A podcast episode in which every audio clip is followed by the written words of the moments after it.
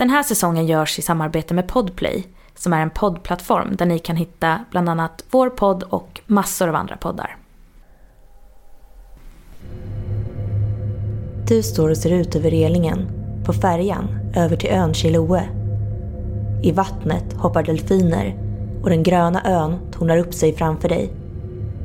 Du njuter av att känna den varma havsbrisen i ansiktet och lukten av det salta havet i näsan.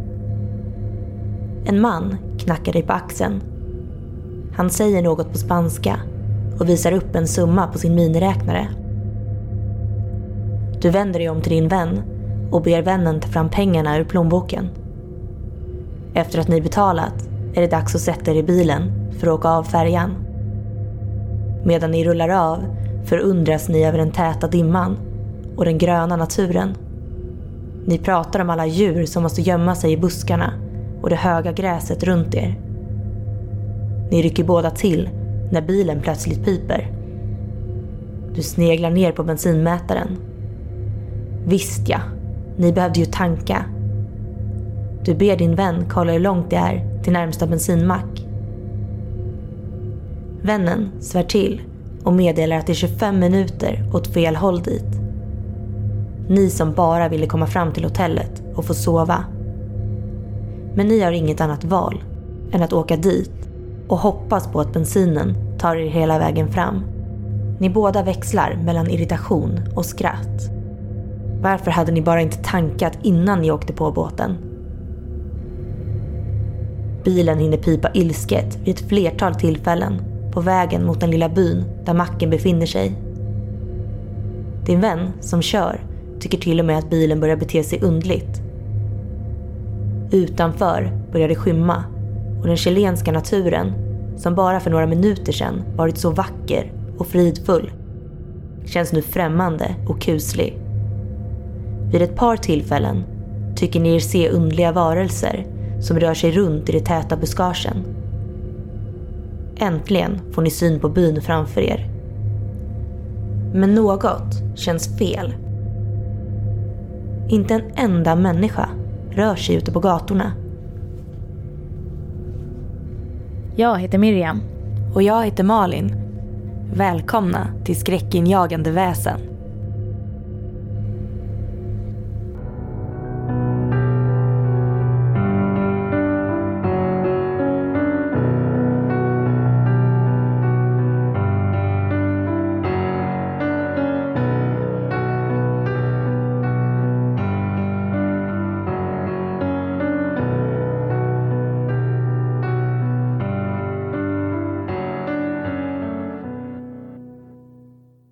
Hej och välkomna till Skräckinjagande väsen.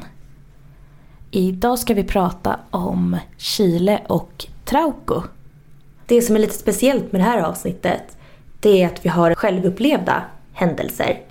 Bland annat så är ju introt som ni precis hörde en händelse som faktiskt hände oss när vi bilade runt i Chile och Argentina förra vintern. Eh, och när vi kom dit så pratade vi just om det att vi förstod hur alla de här legenderna och historierna hade uppkommit. För det var väldigt dimmigt och en väldigt speciell känsla. Det kändes till och med som att ljuden lät väldigt annorlunda. Växtligheten var väldigt tät. Det blåste ganska mycket. Och det var ganska lite befolkning, alltså bebyggelse. Det var ganska tomt. Vilket gjorde att man hörde vinden och ljuden väldigt tydligt. Så hjärnan spelade en ett spratt vid flera tillfällen. Att det kändes som att man hörde saker som man inte hörde. Och så fick vi nästan motstopp också på grund av att vi höll på att få slut på bensin, vilket var, vilket var ganska skrämmande. Det var den chilenska landsbygden och vi visste inte om vi skulle kunna ta oss därifrån om det var så att vi faktiskt fick motorstopp, för det var kväll. Vi trodde ju inte att det skulle finnas en mack när vi kom fram, just för att det kändes så öde. Men det gick bra, som tur var.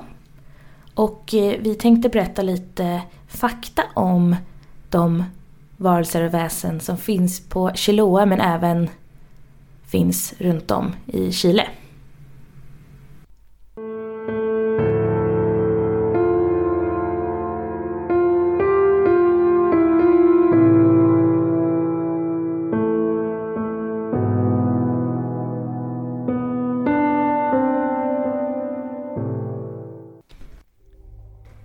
I den chilenska skärgården, nära den södra kusten, ligger ön Chiloe. Chiloe är känd för sin lummiga natur, sitt unika djurliv och för sina många legender och sin unika mytologi. Klimatet är mycket fuktigt, vilket gör att ön ofta är täckt av en tjock dimma. Något som tillsammans med den lummiga naturen bidrar till en spöklik känsla. Många som besöker denna ö är ute efter att se flera av de unika djur som bosatt sig här. Har du tur kan du få se både valar, pingviner, darwinräv och chiloepungrotta. De två senare går endast att finna på ön. Men det är inte det enda som lockar besökare. Ön sägs också vara hem till flera övernaturliga väsen. Det mest omtalade är det om de mystiska trollkarlarna, brujos, som sägs terrorisera de bosatta på ön. Legenderna säger att de har levt här i flera hundra år, men att de blev kända först efter den omtalade häxjakten 1880. Det sägs att brujos använder sig av vanställda lokala barn för att vakta deras grottor. Legenderna berättar om hur de kidnappar eller köper nyfödda barn och formar dem efter behov. De bryter av deras högra ben och böjer det över deras ryggar så att de går på två händer och en fot. Sedan delade det deras tunga så att det liknade en orms. Detta gjorde att barnen inte längre kunde kommunicera med annat än med grymtningar. Dessa varelser kallas för imbunche och de äter endast rått människokött. På flera ställen på ön kan man se statyer av dessa vanskapta barn. Andra varelser som sägs leva på ön är bland annat ormguden Kai Kai Velo, gud över vattnet. Han är i ständigt krig med Tenten Velo, ormguden över land. Legenderna berättar att Kai Kai Velo till slut förlorade men att han lyckades ta över så pass mycket yta att Chilove förblev en ö och inte en del av fastlandet. På ön bor det också flera förföriska väsen. Några av dessa är de båda vackra kvinnorna, Penkoya och Veoda. Penkoya sägs vara en symbol för Chiloes rika marina liv och hon kan ses dansa naken på stränderna. Vioda, som betyder änkan, är en lång skuggfigur, helt klädd i svart med kritvita bara fötter. Hon förför ensamma män och lämnar dem sedan åt sitt öde. Andra förföriska varelser är trollen Trauco och hans fru Fiora. Fiora sägs ha en stor sexuell aptit och en andedräkt som kan skapa stor smärta hos människor och till och med döda smådjur. Trauco kan istället trollbinda unga och medelålders kvinnor med sin magiska attraktion. Ingen kan motstå honom. Inte ens när de sover, då han kan påverka dina drömmar.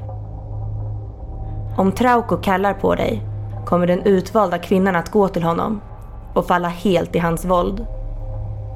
Men det är inte bara kvinnor som bör frukta Trauco. Hans blick är dödlig och stöter du på honom är du i fara oavsett vilket kön du har. Han sägs också bära på en liten yxa som han fäller stora träd med för att visa sin manlighet. Om du fortfarande har tankar på att besöka denna mytiska ö så hoppas vi att du nu är lite mer förberedd på vad du kan tänka stöta på i dimman.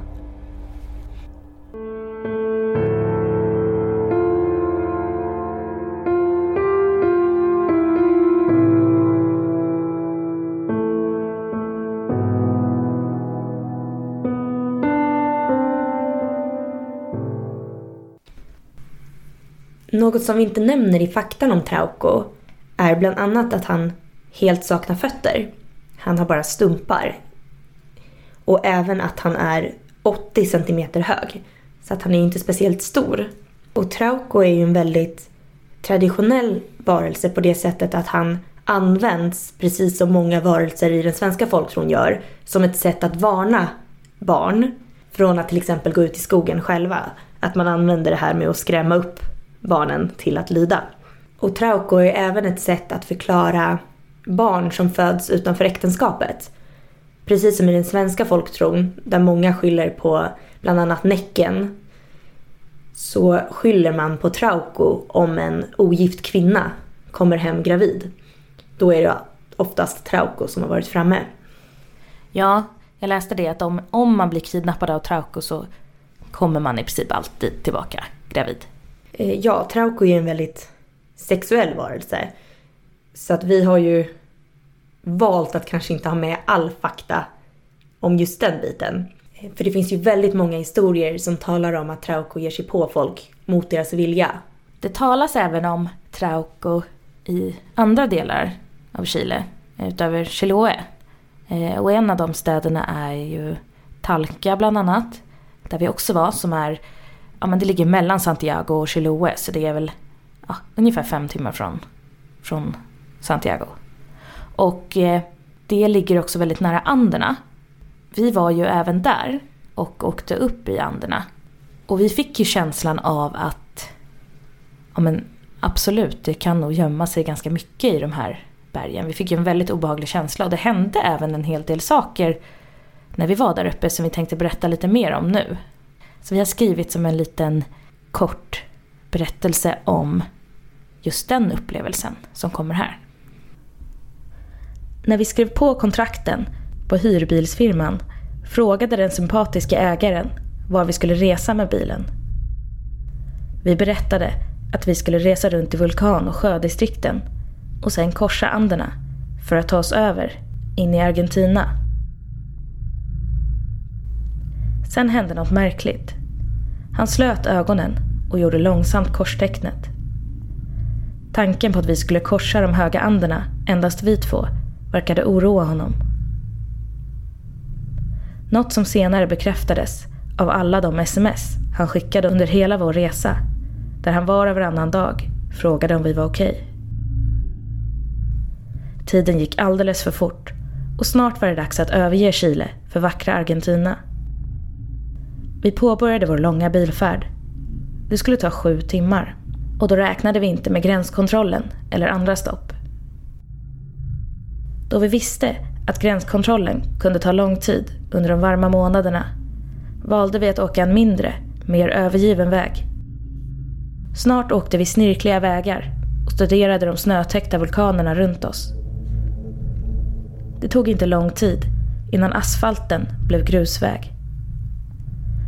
Det var fortfarande många kilometer kvar till gränskontrollen och vi började så smått ifrågasätta vårt beslut att ta just denna väg.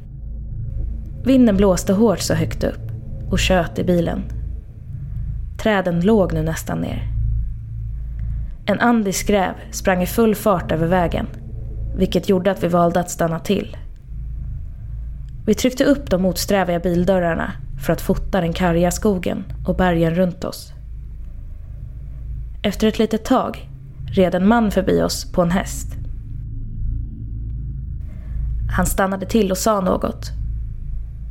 Vi såg nog båda ut som frågetecken. Men till slut förstod vi budskapet. Han var oroad och ville att vi skulle skynda vidare. Han tittade stressat omkring sig. Vi gasade snart vidare och kom fram till den lilla gränskontrollen som inte var mycket mer än en stuga. Där konstaterade vi båda två att känslan vi fick var att något kanske gömmer sig i bergen. Något man ska undvika. Ja, den här händelsen, den var ju väldigt märklig. Jag tänker att först där när vi skulle hyra bilen och han gjorde korstecknet åt oss, då var ju det mer än någonting vi skrattade lite åt. Att vi tänkte att ja, här kommer två turister, vi pratar inte spanska, vi står där med våra jättestora rosa resväskor och ser nog ganska oerfarna ut. Och att det var mer det han oroade sig för. Vi kunde inte ens sätta på bluetoothen i bilen. Men ju mer tiden gick så fick vi en känsla av att det var någonting annat han var orolig för. Precis som vi nämner i texten så fick ju vi flera sms från honom nästan dagligen där han frågade om vi mådde bra. Vilket vi senare började reagera på och tycka att borde vi inte göra det? Är det någonting som skulle kunna hända oss? Mm. Och just anderna var ju det han reagerade kraftigast på. Och sen var det ju också så märkligt att eh, vi blev att det red förbi en man som pratade med oss. Och det var en man från mapuche-befolkningen, vilket är Chiles urbefolkning. För de klär sig ofta på ett speciellt sätt. Och vi vet ju fortfarande inte vad det var han ville varna oss för. Men vi fick en sån otroligt obehaglig känsla av det här. För jag vet inte varför, men både du och jag pratade ju efteråt om att det kändes som att han varnade oss för någonting som levde där. Jo, vi funderade ju först på om det var så att vi befann oss på mark som man inte fick vara på, någon som ägde den eller så. Men samtidigt så var det ju här ändå en, om än en liten väg, så var det ju ändå en, en riktig väg som ledde oss till gränskontrollen till slut.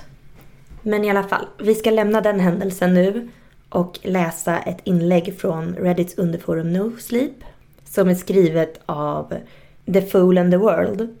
Och vi har översatt det här från engelska. Och det är en historia som utspelar sig i staden Talca som vi också besökte.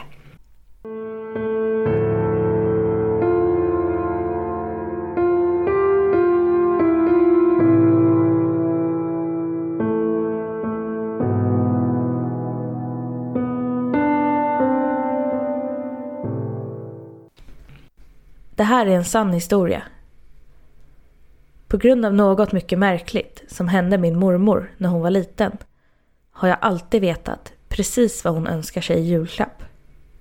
Min familj är från Chile, långt ner i Sydamerika och min mormor växte upp i staden Talca, fem timmar söder om huvudstaden Santiago.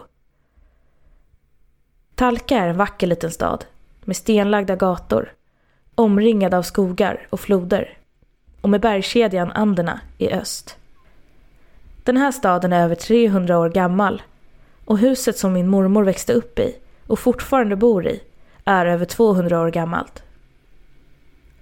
Ett av de gamla kolonialhusen med massa rum och en liten trädgård i mitten. Eftersom det var ett så gammalt hus visste jag att jag hade rumskompisar när jag besökte huset. Jag kunde alltid känna deras ögon som följde mitt minsta steg.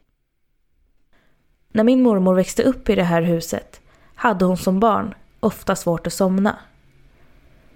Hon brukade se ansikten som stirrade på henne i mörkret och ibland vaknade hon av sina egna skrik. Mardrömmar. Nästan varje natt behövde hennes mamma, en kvinna med hett temperament som gått i arv till min mormor, gå in till henne och vagga henne till sömns igen och lugna ner henne med att säga att det inte fanns något att frukta i huset, bara gamla minnen, ingenting annat.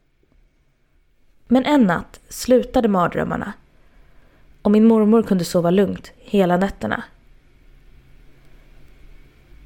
Men istället för att vakna av skrik och gråt från sitt barn blev min gammelmormor nu väckt i mitten av natten av något som lät som en hes mansröst som kom från min mormors sovrum.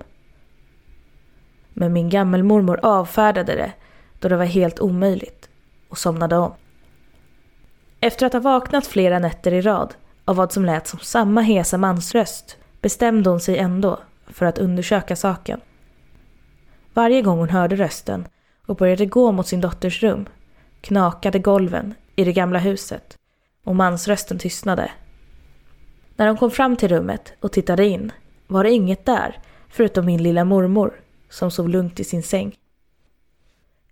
En dag tog min gammelmormor med sig min mormor till lekparken för att leka med de andra barnen i området. Under den här tiden, då den stora depressionen rådde, fanns det mycket lite pengar till att köpa fina leksaker. Så solsken, smuts och en hel del fantasi fick duga. Därför reagerade min gammelmormor när hon såg att min mormor bar på en vacker porslinsdocka som de definitivt inte hade gett henne. Det var en mycket söt docka med smultronblont hår och grå ögon. Var har du fått den dockan? frågade hon mormor. Det är en hemlighet. Hittade du den här i parken förra gången vi var här? Fortsatte gammelmormor. Det kan jag inte berätta mamma. Han sa att det var vår hemlighet. Min gammelmormor, som hade ett mycket hett temperament, nöjde sig inte med det svaret. Och efter en hel del smisk fick hon svar på vem som hade gett henne dockan. Det var min trolovade, utbrast mormor. Men hennes mamma trodde då att flickan hört ordet från några tanter i kyrkan och nu gjorde sig löjlig med flit. Vart kom då dockan ifrån? Min mormor måste ha hittat den eller stulit den från någon av de rika barnen i parken. Det var den mest logiska förklaringen och mormor fick stryk igen och en uppmaning om att inte stjäla. Men efter det började fler och fler vackra dockor att dyka upp i min mormors rum. Min gammelmormor trodde fortfarande att det fanns en logisk förklaring. Och sen började saker bli lite märkliga. På 1930-talet, mitt i den stora depressionen, behövde folk lära sig att leva på bara det allra nödvändigaste. Många hade inte ens tillräckligt för att äta sig mätta. Därför var det väldigt alarmerande när alla möjliga godsaker, som riskakor och godis, började dyka upp under min mormors säng. Varje gång min gammelmormor gick dit för att städa hittade hon någon ny godsak. Hon frågade sin dotter om det och det enda svaret hon fick var min trolovade. Det här fortsatte ett par veckor. En dag började smycken att dyka upp utöver alla vackra dockor och godsaker. Alltid under min mormors kudde. Det var små saker. Ett ovanligt vackert halsband av svarta pärlor fick min mormor att haja till. Hon visste med säkerhet att inget av smyckena kom från henne. Hon kom från en mycket rik familj, men hade gift ner sig för kärleken. Nu förvarade hon alla sina fina smycken. Eller ja, det som fanns kvar av dem, i en låda. Hon använde dem bara vid mycket speciella tillfällen. Och det var väldigt få sådana nu för tiden. Alla dessa händelser var helt ofarliga.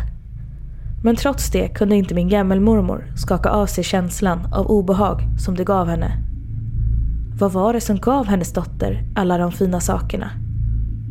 Hon var tvungen att veta. Hon bestämde sig därför för att sova utanför sin dotters rum för att kunna se vad det var som tog sig in i rummet om nätterna. Så blev det inte. Istället vaknade hon upp och hörde att den hesa mansrösten redan var inne i rummet. Så fort och tyst hon kunde tände hon ett stort stearinljus och drog upp dörren. Det hon fick se skickade en rysning ner längs hennes ryggrad och hon började kallsvettas. Hon såg siluetten av en man. Väldigt smal, men med normala proportioner för en vuxen man. Men så kort att hon skulle kalla honom för dvärg. På mindre än en sekund hoppade figuren ner från sängen och krälade in under den. Allt gick så fort. Allt min gammelmormor hade hunnit se i det svaga ljusskenet var knappt en skugga. Min mormor låg fortfarande lugnt och sov. Min gammelmormor, som fortfarande hade hjärtat i halsgropen, rusade in i rummet och kollade direkt under sängen. Men det var tomt. Hon sökte igenom varenda vrå av rummet utan att hitta något. Ingen liten man, ingen ingång, inget hål i golvet eller i väggen. Ingenting. Min gammelmormor lyfte upp min mormor och bar in henne till sitt eget sovrum. Hon låg i sängen och höll om henne hela natten utan att kunna sova. Nästa morgon tog min gammelmormor med sig min mormor ut till stan och köpte en bit av den bästa paj hon hade råd med. Allt för att försöka få ur sanningen från sin dotter. Deras konversation lät ungefär så här. Min gammelmormor. Rakelita, älskar du mamma? Min mormor. Självklart mamma, jag älskar dig. Hela vägen till Santiago och tillbaka. Min gammelmormor. Då hoppas jag att du vet att mamma älskar dig också. Mer än mitt eget liv. Och det borde inte finnas några hemligheter mellan oss, eller hur? Mormor. Du har rätt mamma. Gammelmormor. Älskling, I så fall kan du väl berätta för mamma varifrån du fick de här dockorna, smyckena och godsakerna som du har i ditt rum. Mormor. Men det sa jag ju mamma, från min trolovade. Gammelmormor. Vem är din trolovade? Mormor. Han kommer till min säng varje natt, för jag hade svårt att sova förut. Så han lägger sig i sängen med mig och kramas och pussas. Han brukar ligga kvar hela natten och hålla om mig och säga att han älskar mig. Han säger att dagen han tar mig med sig kommer vi att gifta oss och leva lyckliga alla våra dagar. Gammelmormors röst var skakig och hon kämpade för att hålla tillbaka tårarna som brände bakom ögonlocken. Och vart vill han ta dig? Mormor. Jag vet inte mamma. Jag gissar att han bor under vårt hus. Under vår stad. Och han kommer snart att ta mig och vi kommer att gifta oss. Han är min prins och jag är hans prinsessa. Min gammelmormor skakade. Men hon tänkte absolut inte låta någon bråka med hennes dotter. Vare sig det var helt harmlöst eller ej. Min gammelmormor gick till den lokala prästen och bad honom att välsigna huset och driva ut allt ont som eventuellt fanns där inne. Speciellt i min mormors rum. Prästen gjorde det och i en natt var det helt lugnt i huset. Sen blev det riktigt illa. Nästa natt vaknade min gammelmormor av ett högt skrik som kom från mormors rum. Hon sprang dit så fort hon kunde och fann sin dotter med djupa skrapsår över hela ryggen. Bitmärken på mage och lår och stora tussar av hennes hår hade slitits bort och det blödde från hårbotten. Mamma, mamma, han är arg för att jag berättade för dig. Han säger att han äger mig och kan göra vad han vill, snyftade min mormor. Den natten var det ingen av dem som kunde sova. De väntade tills att det blev morgon och gick sen för att träffa en till präst för att återigen få huset välsignat. Det gick ännu en natt med en till attack. Den här ännu värre än den första. Blåmärken och blodiga skrapsår över hela min mormors kropp. Hennes pyjamas var helt söndersliten. Nästa morgon gick min gammelmormor för att träffa en judisk rabbi i ett desperat försök att rädda sin dotter. Av rabbin fick hon ett skyddsmycke som hon skulle sätta runt min mormors hals. Nästa natt var likadan som den föregående. Den här gången hade min mormors hår klippts av och hon var täckt av svarta och blå blåmärken. Mamma, han säger att han vill göra mig så ful att ingen annan än han vill ta i mig. Han säger att allt är ditt fel, snyftade min mormor. Vid det här laget var min gammelmormor desperat. Hon var en troende kvinna och hade stor tillit till Gud. Men hon visste också att Gud ibland inte var helt tydlig i sitt budskap. Så nästa morgon pratade hon med sin syster som berättade om en listig kvinna som bodde cirka två timmar bort i en liten stad nära Anderna som kallades Paso Nevado, Snöiga vägen. Och hon berättade att den här kvinnan visste saker. Hon var en machi, en mapuche-shaman, en inhemsk helare. Och att hon säkert visste hur man skulle handskas med det. Min gammelmormor gick för att träffa den här listiga kvinnan.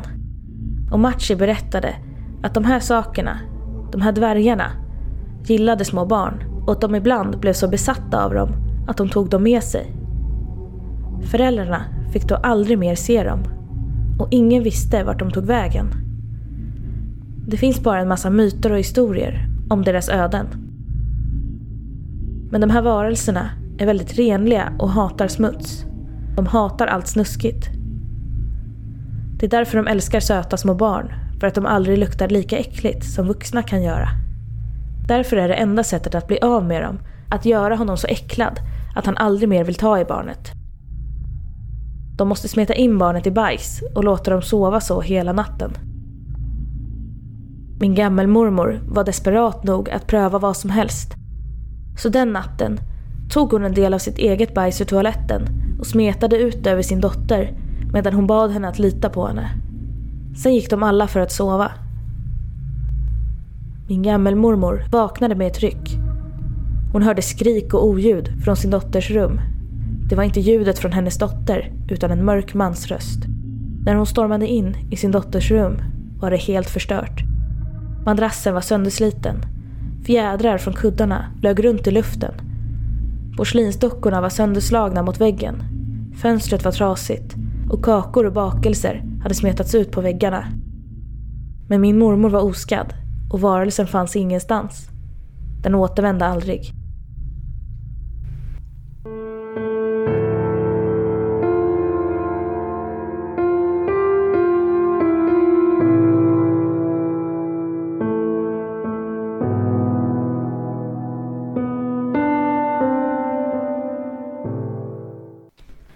Jo, författaren av inlägget skrev också till oss och eh, berättade lite grann om Trauco och hur det är en duende, vilket då är som en typ av ond ande kan man säga. Han förknippade det lite grann med så här alver och sådär, onda alver. Och eh, det verkar finnas väldigt många olika sorters duendes. Hur många som helst. Och ibland när jag sökte lite så liknas de nästan vid små troll och så också. Och då, Trauco ska då alltså vara en, en duende. Vi fick också ett meddelande från en lyssnare som har sina rötter i Chile som jag förstår det. Och hon berättade om eh, en upplevelse som en släkting till henne var med om. Och när han då var en 11-årig pojke så ska han ha sett om något som han beskrev som en tomte det verkar som att det fanns flera vittnen till det här också, förutom honom, några andra barn. Och de såg även en skattkista med guld i, bakom tomten. Och sen helt plötsligt förändrades då tomtens uppsyn och han fick svarta ögon och ett eh, stort ondskefullt leende innan han försvann. Och hon menar då att eh, den här släktingen har berättat det här för henne och hon kunde se på hans blick att det han sa var var äkta. Han var fortfarande skärrad, än idag.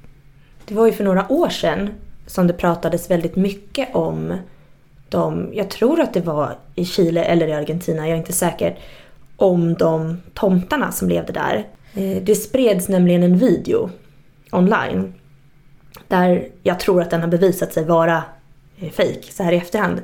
Men den spreds eh, väldigt mycket över hela, hela världen som jag förstår det. Där några ungdomar stannar och försöker filma någonting på vägen framför dem.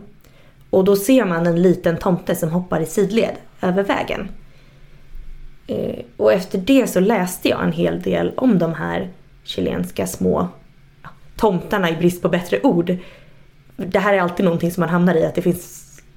Det är väldigt svårt att veta orden på just alver, troll, för i de olika länderna använder de väldigt mycket olika ord för att beskriva olika saker. Men i alla fall, de ska tydligen vara ganska vanliga i Argentina och Chile. Ja, så om ni ska till Chile så kan ni ju se upp för just de här duendes. Det var allt vi hade för den här veckan. Och tack för att ni har lyssnat. Ni hittar ju oss på Skräckenjagande väsen på Facebook och Instagram och skrackenjagandevasen gmail.com. Ni hittar länkar till faktan i avsnittsbeskrivningen. Och eh, vi tar ju lite jullov nu. Men vi hörs igen i början på januari.